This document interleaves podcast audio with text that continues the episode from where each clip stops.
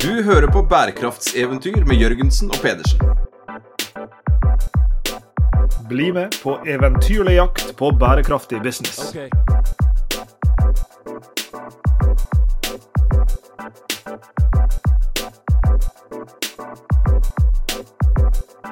Denne episoden av Bærekraftseventyr Sveinung, den har vi gleda oss til lenge. Og jeg lurer på om ikke vi har drevet og liksom peker fram mot den lenger. Jeg mistenker at vi kan ha sagt i flere episoder tidligere i denne serien at det skal vi lage en episode om en gang. For dette er jo et case uh, vi er glad i. Det er en mann vi er glad i, som er dagens gjest. Og, og det har vært en, jeg vil si, en stor del av yrkeslivet vårt de siste åra.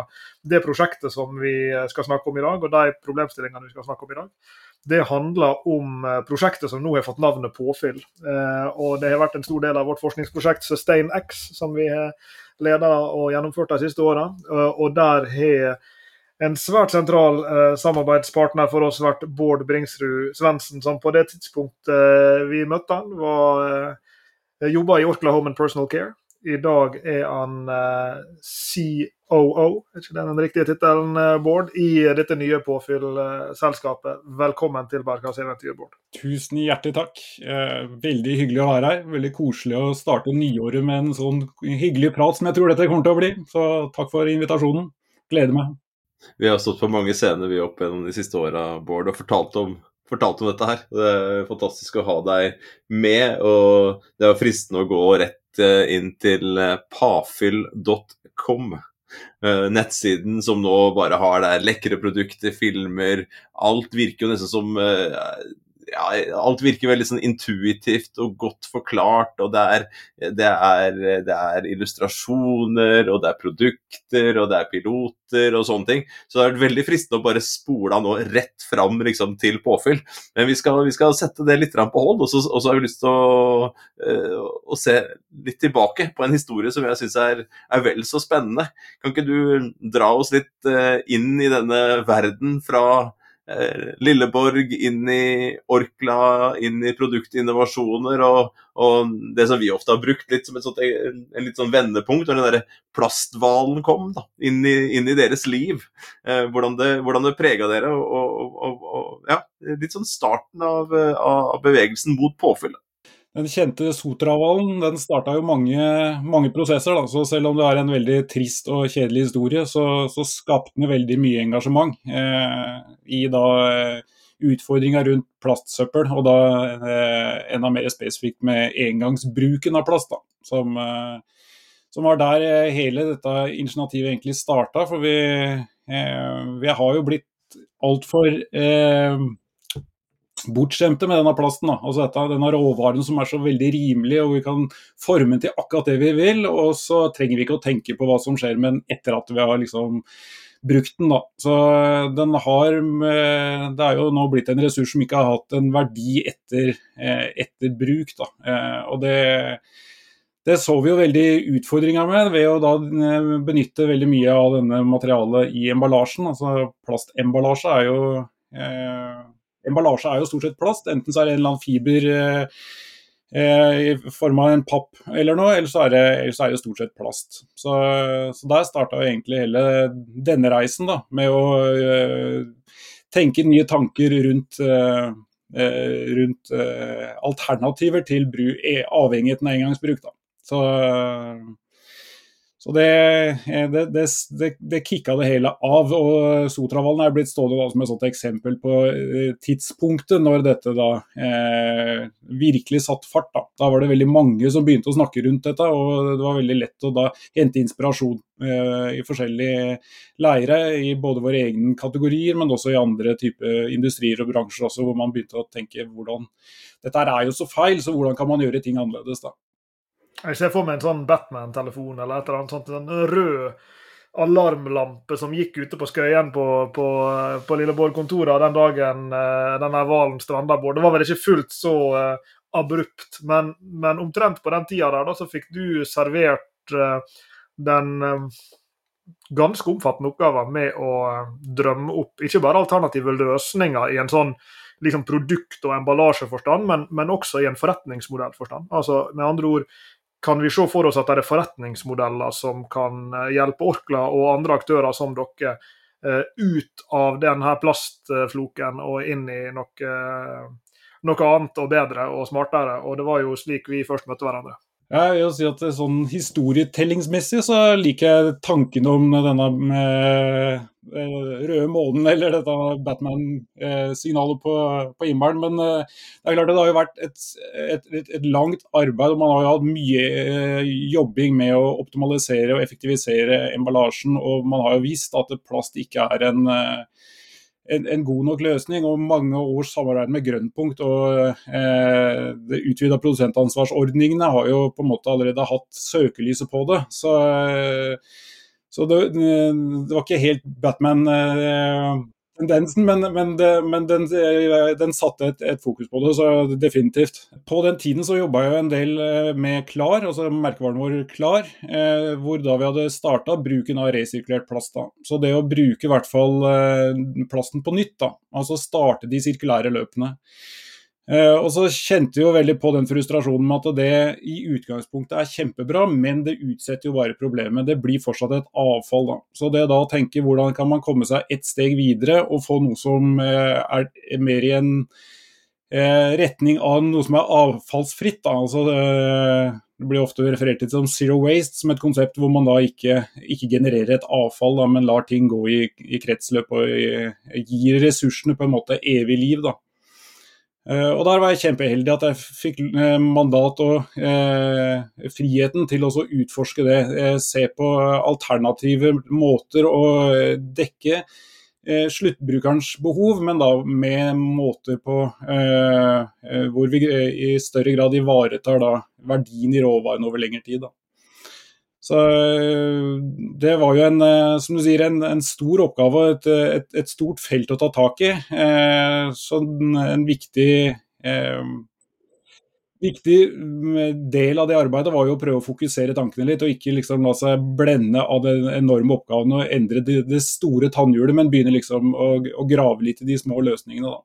Så og Der har jeg satt kjempestor pris på alle de diskusjonene jeg har hatt med dere, og det å liksom greie å tenke litt utafor boksen og litt ut ifra eh, de vanlige eh, låste tankegangene som man som, som, regel har. Da. Man vet jo hva man har, men ikke hva man ikke har, på en måte.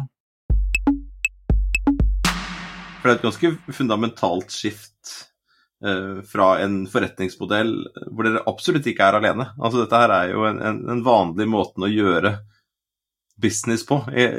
Ikke bare når det gjelder eh, disse dagligvarene, eh, såpe og, og, og, disse tingene, men det er jo så mange produkter som vi har rundt oss. Vi tenker jo ikke på det engang. I hvert fall historisk har vi ikke tenkt på det.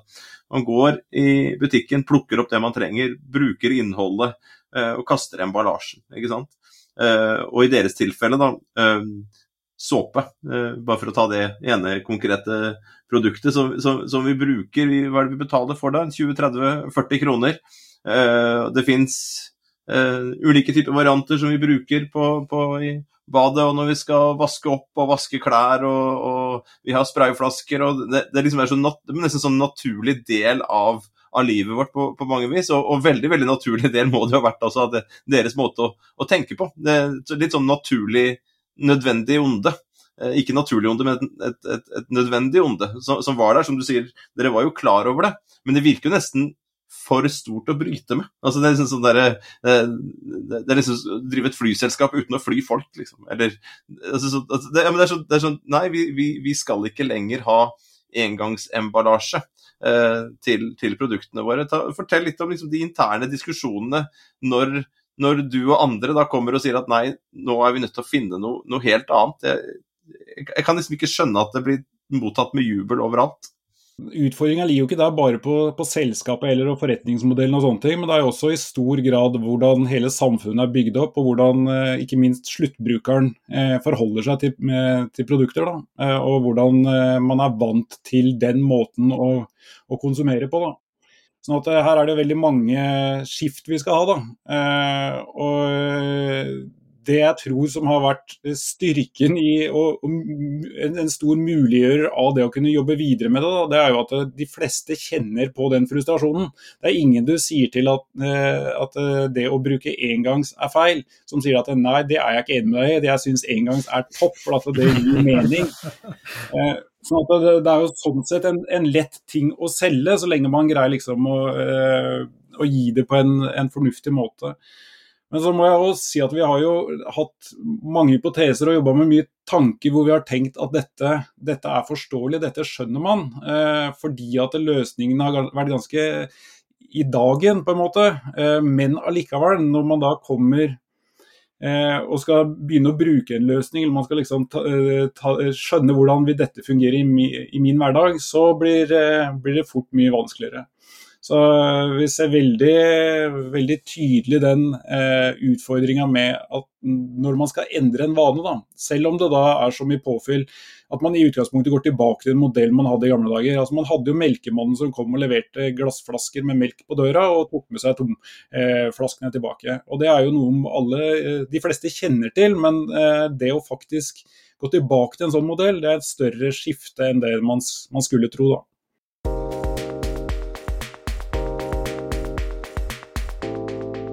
Du var jo ikke akkurat uh, uredd, Bård, i møte med denne utfordringa her. For du kom jo til oss, husker jeg, i Bergen første gangen du, du besøkte oss, så hadde du med deg en serviett som du hadde tegna på. og Der var det tegna inn uh, fem scenario uh, som var et slags startpunkt. Det var en, det var en big bag-løsning i hjemmet. Som kunne jo gjøre at vi brukte færre engangsemballasjer. Hvis du hadde én stor en, så kunne du fylle på igjen.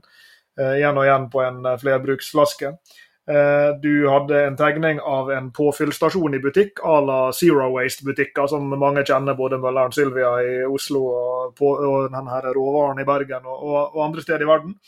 Du hadde en tegning av en hjemleveringssystem for hvor det kunne være en type kolonial.no, eller Oda som det heter i dag, som, som, kunne være en slags partner. Du hadde en tegning av en smartlåssystem, hvor folk kunne komme seg inn i, i huset med smartlås og fylle på hjemme hos deg. Og du hadde en tegning av en, en, vaskehjelp som kunne vaske og da fylle på samtidig. Det ville jo også måtte kreve en slags partner for dere. Og etter dette, dette var bare de første scenarioene, så har jo du mange mer høyteknologiske eh, jeg husker vi satt og, og drodla en gang om eh, en modell hvor en eh, smartsensor i en nesten tom uh, Zalo-flaske kunne sende en melding til en drone som kom som var full av Zalo, og kunne sende en tekstmelding til deg når han var 50 meter fra huset. Så kunne du gå ut med Zalo-flaska og få han fylt opp.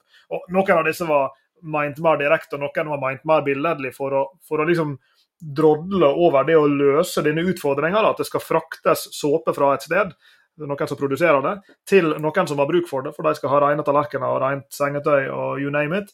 Og så finnes det mange måter sånn logistisk sett å løse det, mange måter teknologisk sett. Eh, og så må det da finnes forretningsmodellene som kan pakkes rundt og gjøre disse løsningene lønnsomme. Og Da var det noen av disse scenarioene her og mange mange andre scenarioer som raskere ble sjalta ut enn andre. og Så var det noen som fikk være med lengre. Og Det er jo en forbilledlig historie om eksperimentering, det som, som dere har drevet på med i, i, Orkla her, og som vi har fått lov til å være med på som, som, forskningspartnere. Fordi dere har vært villige til å teste ut noen av disse ideene. Kanskje til og med noen av de som, som var et godt stykke unna det som er liksom, kjernebusinessen dere per i dag, altså måten dere driver business på, per i dag. Eh, så en vilje til å liksom, gå litt inn i det ukjente og teste ut ting. Eh, og Dette kan jo ikke ha vært bare bare å skulle løpe rundt både på Skøyen og andre steder med, med, en sånn serviett med sånne scenarioer på. Det er jo eh, et spenn i de ideene som man jobber med når man jobber sånn. og det er klart at Noen av de eh, ideene er man jo mindre er man mer spent på å presentere enn de andre, fordi at det, det blir såpass langt ute at det, de fleste himler litt med øya og lurer på hva er det egentlig, altså hvor realistisk er egentlig det. Men det er jo en type eh, eksersise som man må gå gjennom for å i det tatt åpne opp tankegangen og liksom begynne å forske på disse nye, eh, nye potensielle mulighetene. Uh, og jeg, eh, jeg, vil jo si at det, altså et, et, stort skille for oss skjedde jo når vi, eh, når vi virkelig fikk eh, inngikk et, et, mer strategisk partnerskap med andre, to andre selskaper også, hvor vi virkelig liksom gikk eh, konkret inn i én type retning, da, og fikk, fikk jobba med den på et, et litt bredere, større med et litt bredere og større perspektiv. Da, hvor vi både så på hele, alt rundt digitalisering osv. på disse, eh, disse modellene. Da. Så eh, det også eh, få på plass to andre aktører som også åpna verktøykassene sine og eh, sa at ok, oss, eh, vi har en felles visjon, et felles tanke, og vi ser store potensialer på, eh, på å finne noen løsninger her. sånn. Eh, la oss nå åpne verktøykassene og så eh, begynne å grave i dette. Finne, altså Dra opp hypoteser, gjøre testinger og, og, og trekke det framover. og det, det, har jo vært, vært, veldig viktig, det. da. Så det, er klart det er det vi, å få inn også Bakken og Bekk og Æra på, på partnersiden her sånn, har vært, vært viktig. Husker vi underveis en, en, eller annen eh, sammenheng så kom dette med å strømme, strømme såpe opp. Eh, så hvordan strømme såpe på samme måte som vi nå kunne strømme musikk og strømme alt mulig annet. Eh, og det er jo litt sånn eh, det er et sånn tankehopp, det å skulle kunne strømme noe som er fysisk. Nå jo, strømmer jo vann i springen, da. Så altså, det, det, er jo fysisk å komme hjem til oss, men det er liksom eh, vanskelig å forestille at man skal bygge en sånt eh, distribusjonsnett som et vannsystem eller et såpesystem som skulle, skulle, gå ut fra en sentral og ut. Men, men hele den logikken der, den, den vet jeg du lekte, lekte, mye med. altså Hvordan, hvordan strømme. og så husker jeg også noen uh, diskusjoner underveis med, med tidligere tidligere utgaver og piloter og tester og sånne ting som dere drev med og som vi diskuterte underveis. Så tenkte jeg, og Vi snakket om det, så hvordan skulle dette her få vinger? liksom? Eh, Red Bull ble brukt som et eksempel med, med, som smakte så pyton. Eh, og den skulle smake pyton, men når folk testa det, så hata de det jo. Altså, de, de, de, kunne ikke skjønne at dette her skulle bli noe. De ble sinte på produktet. Eh, men så ble det da levert i en, en, liten beholder, ikke stor, for det skulle være sterkt. Eh, og så har de gjort masse masse markedsføringsstunt eh, rundt det for å liksom virkelig få bygd opp under den myten om at dette her eh, gir deg vinger. da. ikke sant? Eh, og så lekte vi også med de, de, de tankene der opp, opp, mot, rundt dette produktet. Og, og jeg er litt, litt, eh, litt, Hva skal jeg si? Jeg ønsker å, å, å ta oss med til påfyll. Ja sånn som produktet og tjenesten nå er. For da er det kanskje litt lettere for folk som ikke kjenner det, uh, å skjønne den veien fra det tradisjonelle butikkproduktet som vi tar med oss hjem i en engangsbeholder og, og, kaster, til det dere faktisk leverer nå. Så hva er, uh, hva er podkast-pitchen på, på, på påfyll, Bård? Ja, Du nevnte jo strømming av produkter, og det har jo eh, vært et sånt eh, har referert til. Men du merker jo at det, man blir jo fort litt blank i øya og litt sånn eh, uklar i blikket når man nevner strømming av eh, hverdagsprodukter. Eh, så det er jo i utgangspunktet mer en, en påfyllingstjeneste, da. Eh, men eh, i praksis så blir det jo som å strømme, fordi at det er en tjeneste som eh, har vært veldig viktig fra starten. At dette ikke skal oppleves som et abonnement eller noe, men det er en tjeneste. Fordi at vi trenger enkelhetsdimensjonen altså enkelhetsdimensjonen i dette. da. Ganske tidlig var vi jo så vi jo tydelig at vi kunne ikke selge et såpass nytt konsept med bærekraft alene. Da. Vi trengte også ha, gjøre det, det, enklere for folk å ta, eh, komme seg over barrieren med å, å, å eh, eh, få seg, eh, kjøpe noe nytt. Da, eh, og få det da eh, på en enklere måte er, er lettere å selge enn en bærekraft alene. Da.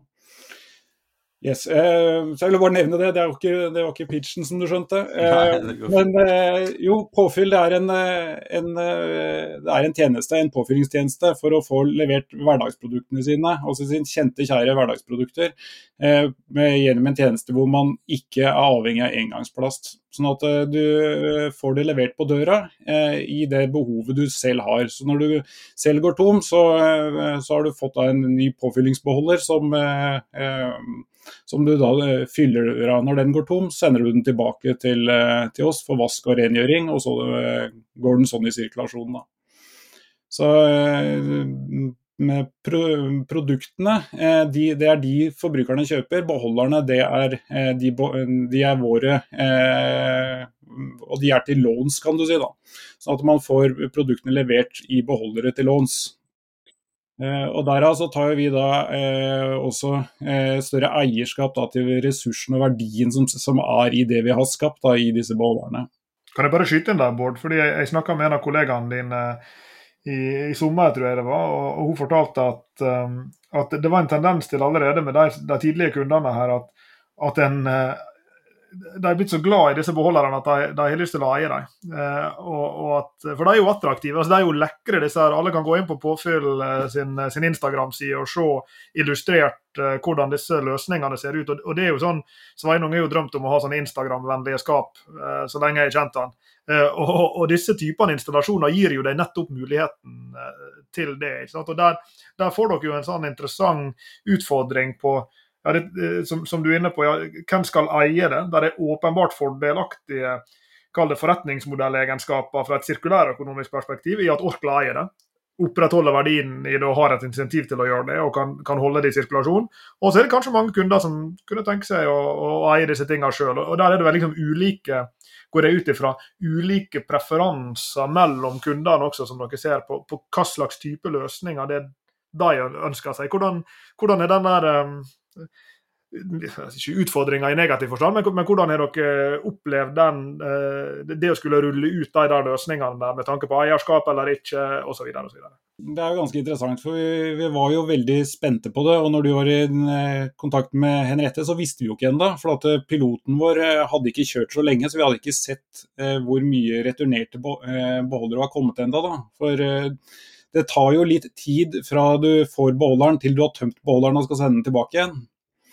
Eh, men i ettertid nå så har vi jo fått veldig mye beholdere tilbake, og vi har også eh, rengjort og sendt eh, beholdere ut igjen. sånn at vi ser jo det at når man først skjønner tjenesten, så er det veldig naturlig at man skal sende disse tilbake igjen.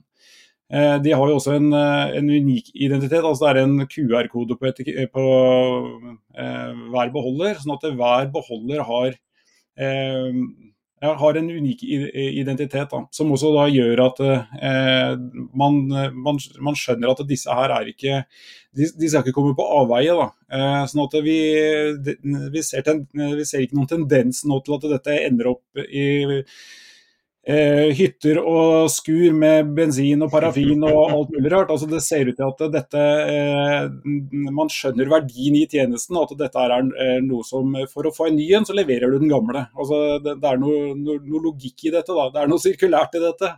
Eh, sånn at eh, Vi har jo diskutert veldig eh, rundt akkurat det. Er vi nødt til å putte en pant på dem? Er det et depositum på dem? Osv.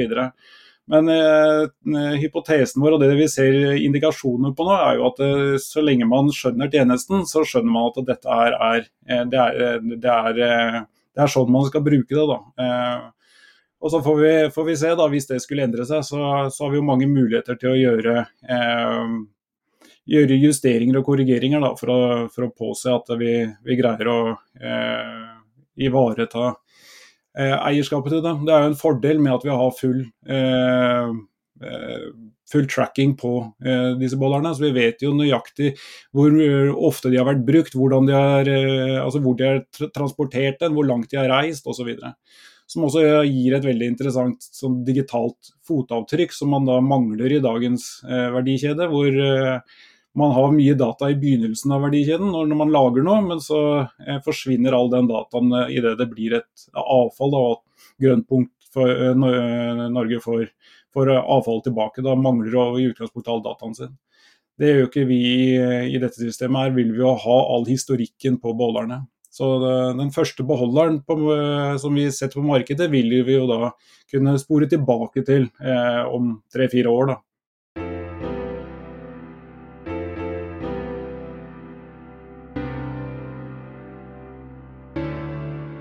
Så dette er på en måte som en slags bevegelse i retning av en, av en Vi nevnte i stad hvordan zero waste ble tatt inn som en tidlig sånn um, et tidlig ideal, men da fra kundesida. Altså skal, skal, kunden gå i butikken og fylle på, var jo en sånn tidlig spørsmål.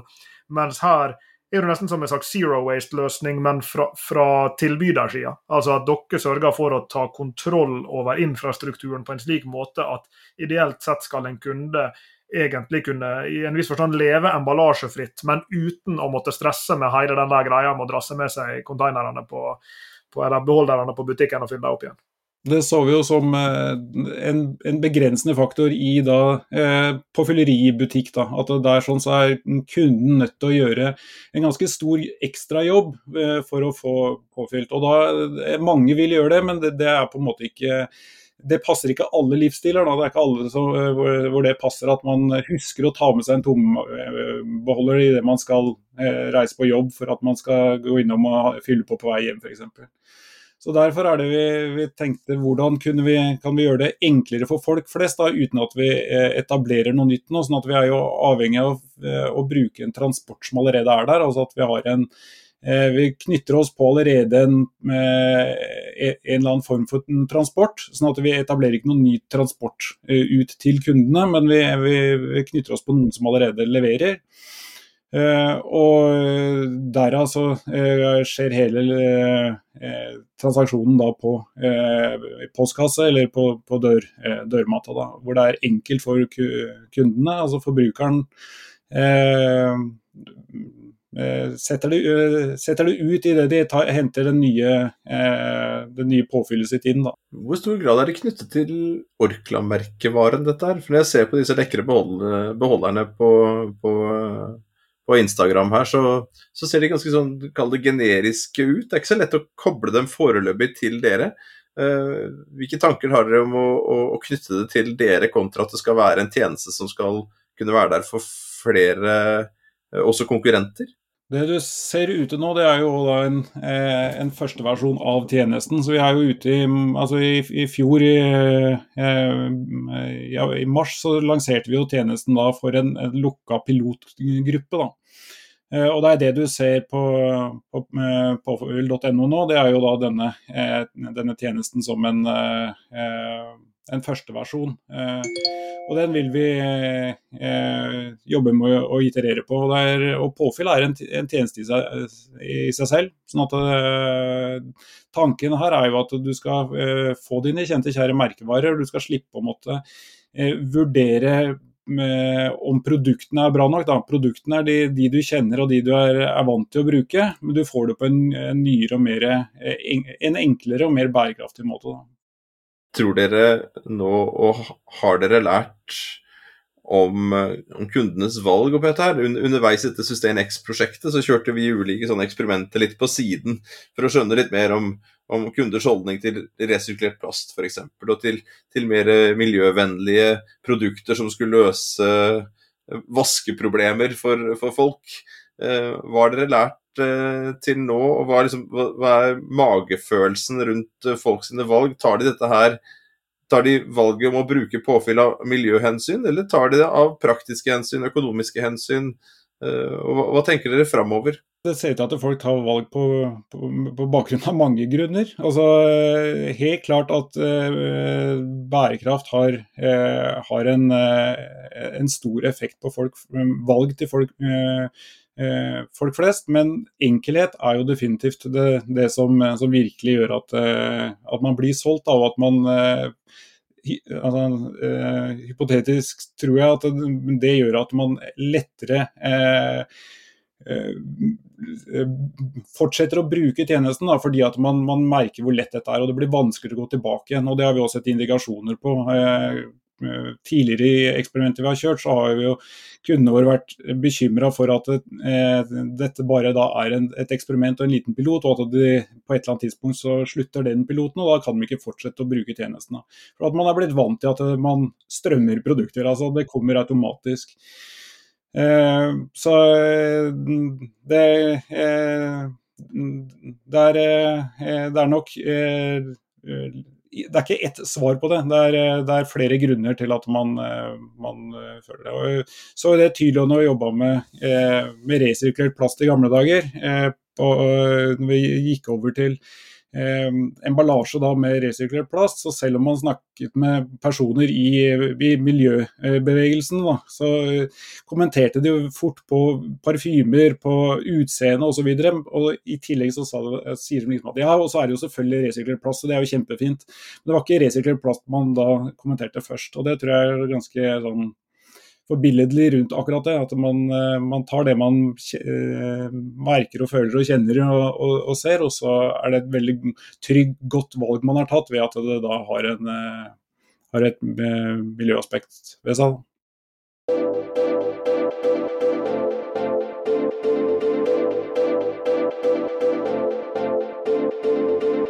Hvis vi tenker litt sånn skalering av veien videre her, da, dere er jo i en unik posisjon i Orkla. Ikke unik, men dere er i en, i en posisjon som, som, gjør det mulig for dere å tenke på tvers av forretningsområdet. Og jeg vet jo at I bærekraftsarbeidet i, i konsernet så er, er, dere vant til å samarbeide på tvers og tenke på tvers. Og Nå har jo dette vokst ut av det gamle Lilleborg, altså Home and Personal Care-produktet. og Det er det som hittil er, er påfylluniverset sin uh, sitt liksom nedslagsfelt. Men uh, det er vel ingenting som står i veien for at vi kan se for oss tilsvarende uh, beholdere som kanskje ser annerledes ut, som har uh, havregryn i seg, eller som har kaffe, eller hva det nå enn måtte være. Det kan kanskje til og med være melkemannen som kommer fra Orkla en gang til med, med, med melk på, på, en beholder. Bare si det, Lars Jakob. Kommer det champagne på påfyllsbeholder? Det, det er dit vi er på vei. Men, men hvordan eh, tenker du rundt uh, kall det skaleringsmulighetene, men, men, selvfølgelig også skaleringsbegrensningene her? fordi det er jo ikke nær sagt gjort i et knips å, å rulle dette ut over hele produktporteføljen i Orkla-konsernet.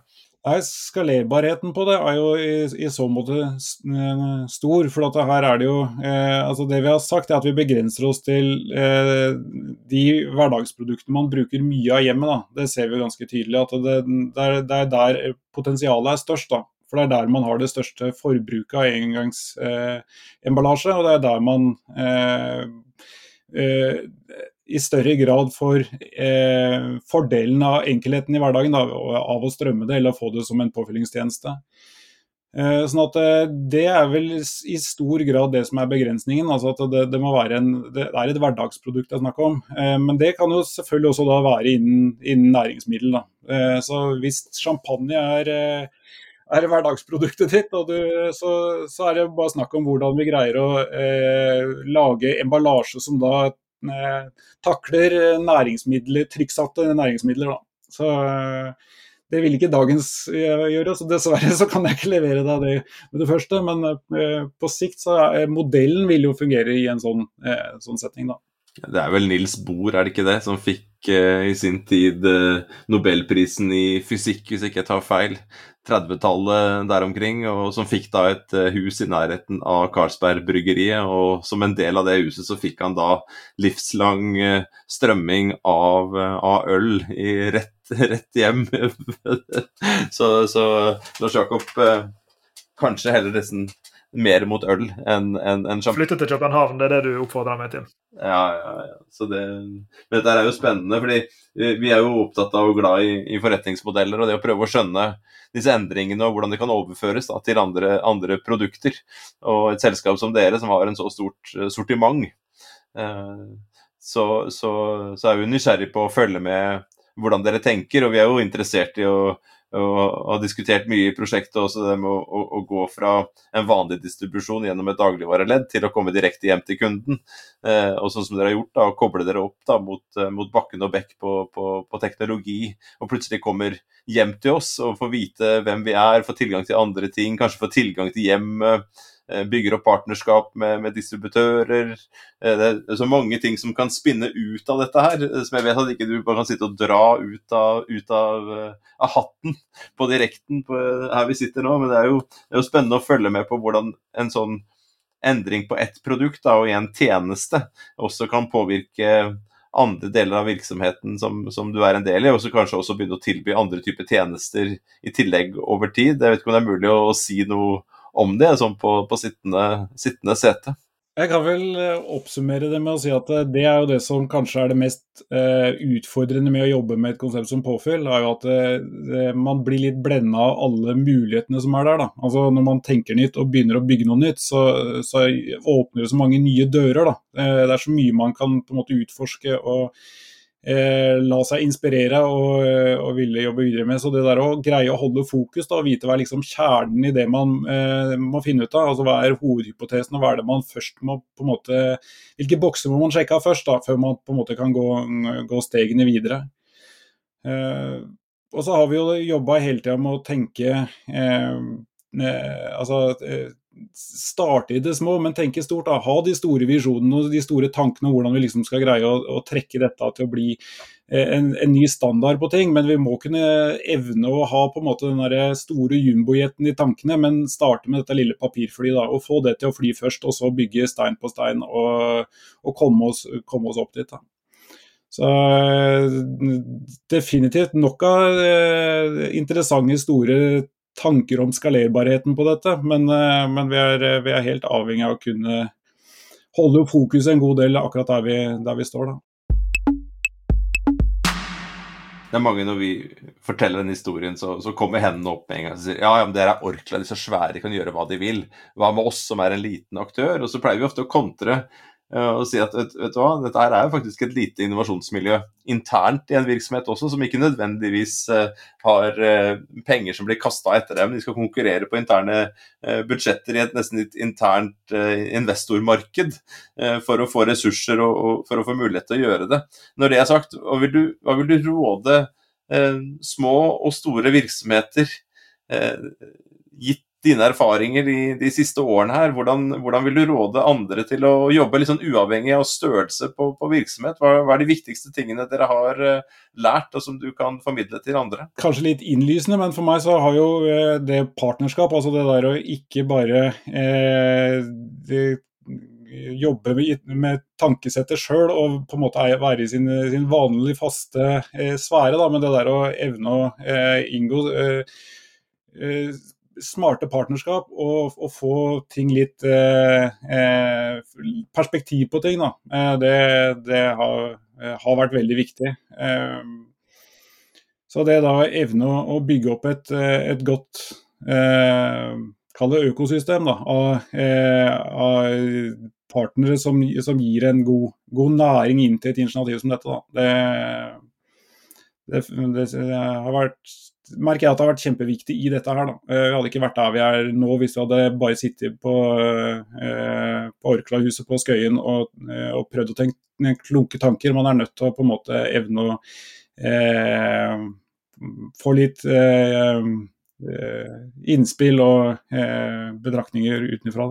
Vi er veldig glad Bård, for å ha vært med på på, liksom i en, eh, en, en, sidevogn til dette prosjektet og, og, fått lov til å ha et forskningsblikk på det underveis, helt fra omtrent Batman-telefonen ringte og til, eh, til, der dere er i dag. Og vi gleder oss til å følge prosjektet videre for å se både disse skalerings... Uh, eh, nær sagt, ut, utfordringene, da, for å kalle det det. altså Det, det å lykkes med å skalere dette. Eh, og vi, vi, er spent på å følge utviklinga av eh, forretningsmodellen og hvordan den vil komme til å se, se ut, og, og, ringene i vannet som dette kan få både inn i andre deler av Orkla, men selvfølgelig også utafor. I, I, både deres bransje og andre bransjer hvor en trenger å få bukt med emballasjeproblemet, med plastproblemet og, og, bærekraftsproblemet mer eh, generelt. Så vi eh, er glad for at du var med oss i dag på Bærekraftseventyr. Takk for at du eh, delte litt fra påfyllsreisen, og, og lykke til videre på, på den. Takk for det. Kjempespennende. Du har hørt på Bærekraftseventyr med Jørgensen og Pedersen. Send e-post til eventyr.krøllalfa.jorgensenpedersen.no for å stille spørsmål eller komme med forslag til tema for fremtidige episoder. Og besøk jorgensenpedersen.no for mer informasjon om denne podkastserien. Okay. Derfra kan du også fortsette samtalen med oss i sosiale medier på Twitter, Facebook, LinkedIn, YouTube og andre steder.